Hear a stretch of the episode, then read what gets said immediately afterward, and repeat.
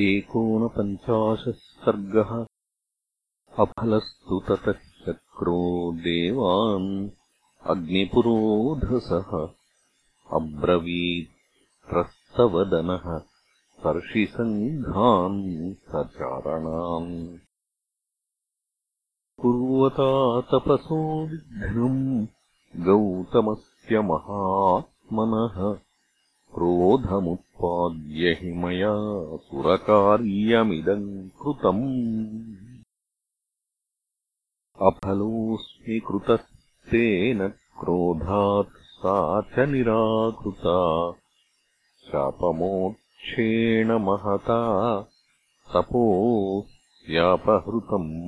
मया। तस्मात् सुरवराः सर्वे सर्षिसङ्घाः सचरणाः सुरसाह्यकरम् सर्वे सफलम् कर्तुमर्हथ।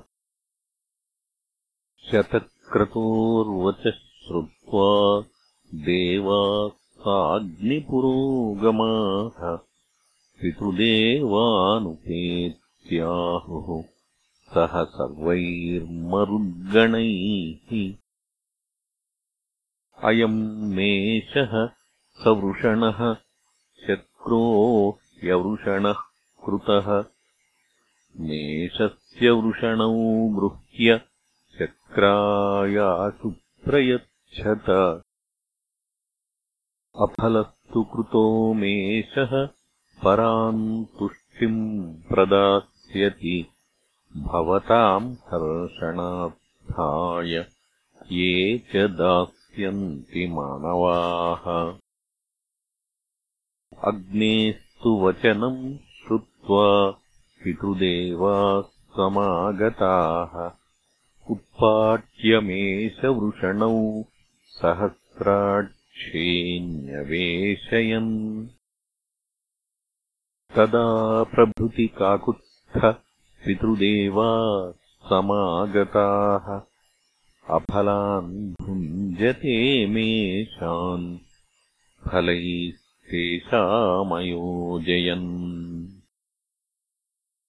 इन्द्रस्तु मेषवृषणः तदा प्रभृतिराघव।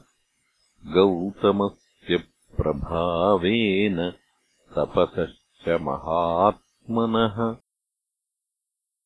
तदागच्छ महातेज आश्रमम् पुण्यकर्मणः। तारयैनाम् महाभागाम् अहल्याम् देवरूपिणीम्।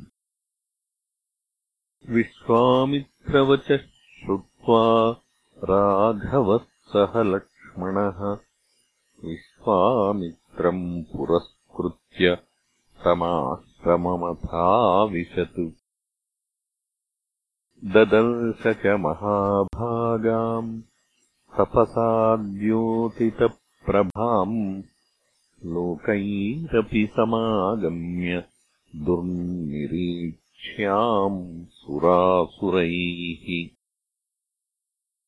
प्रयत्नान्निर्मिताम् धात्रा दिव्याम् मायामयीमिव स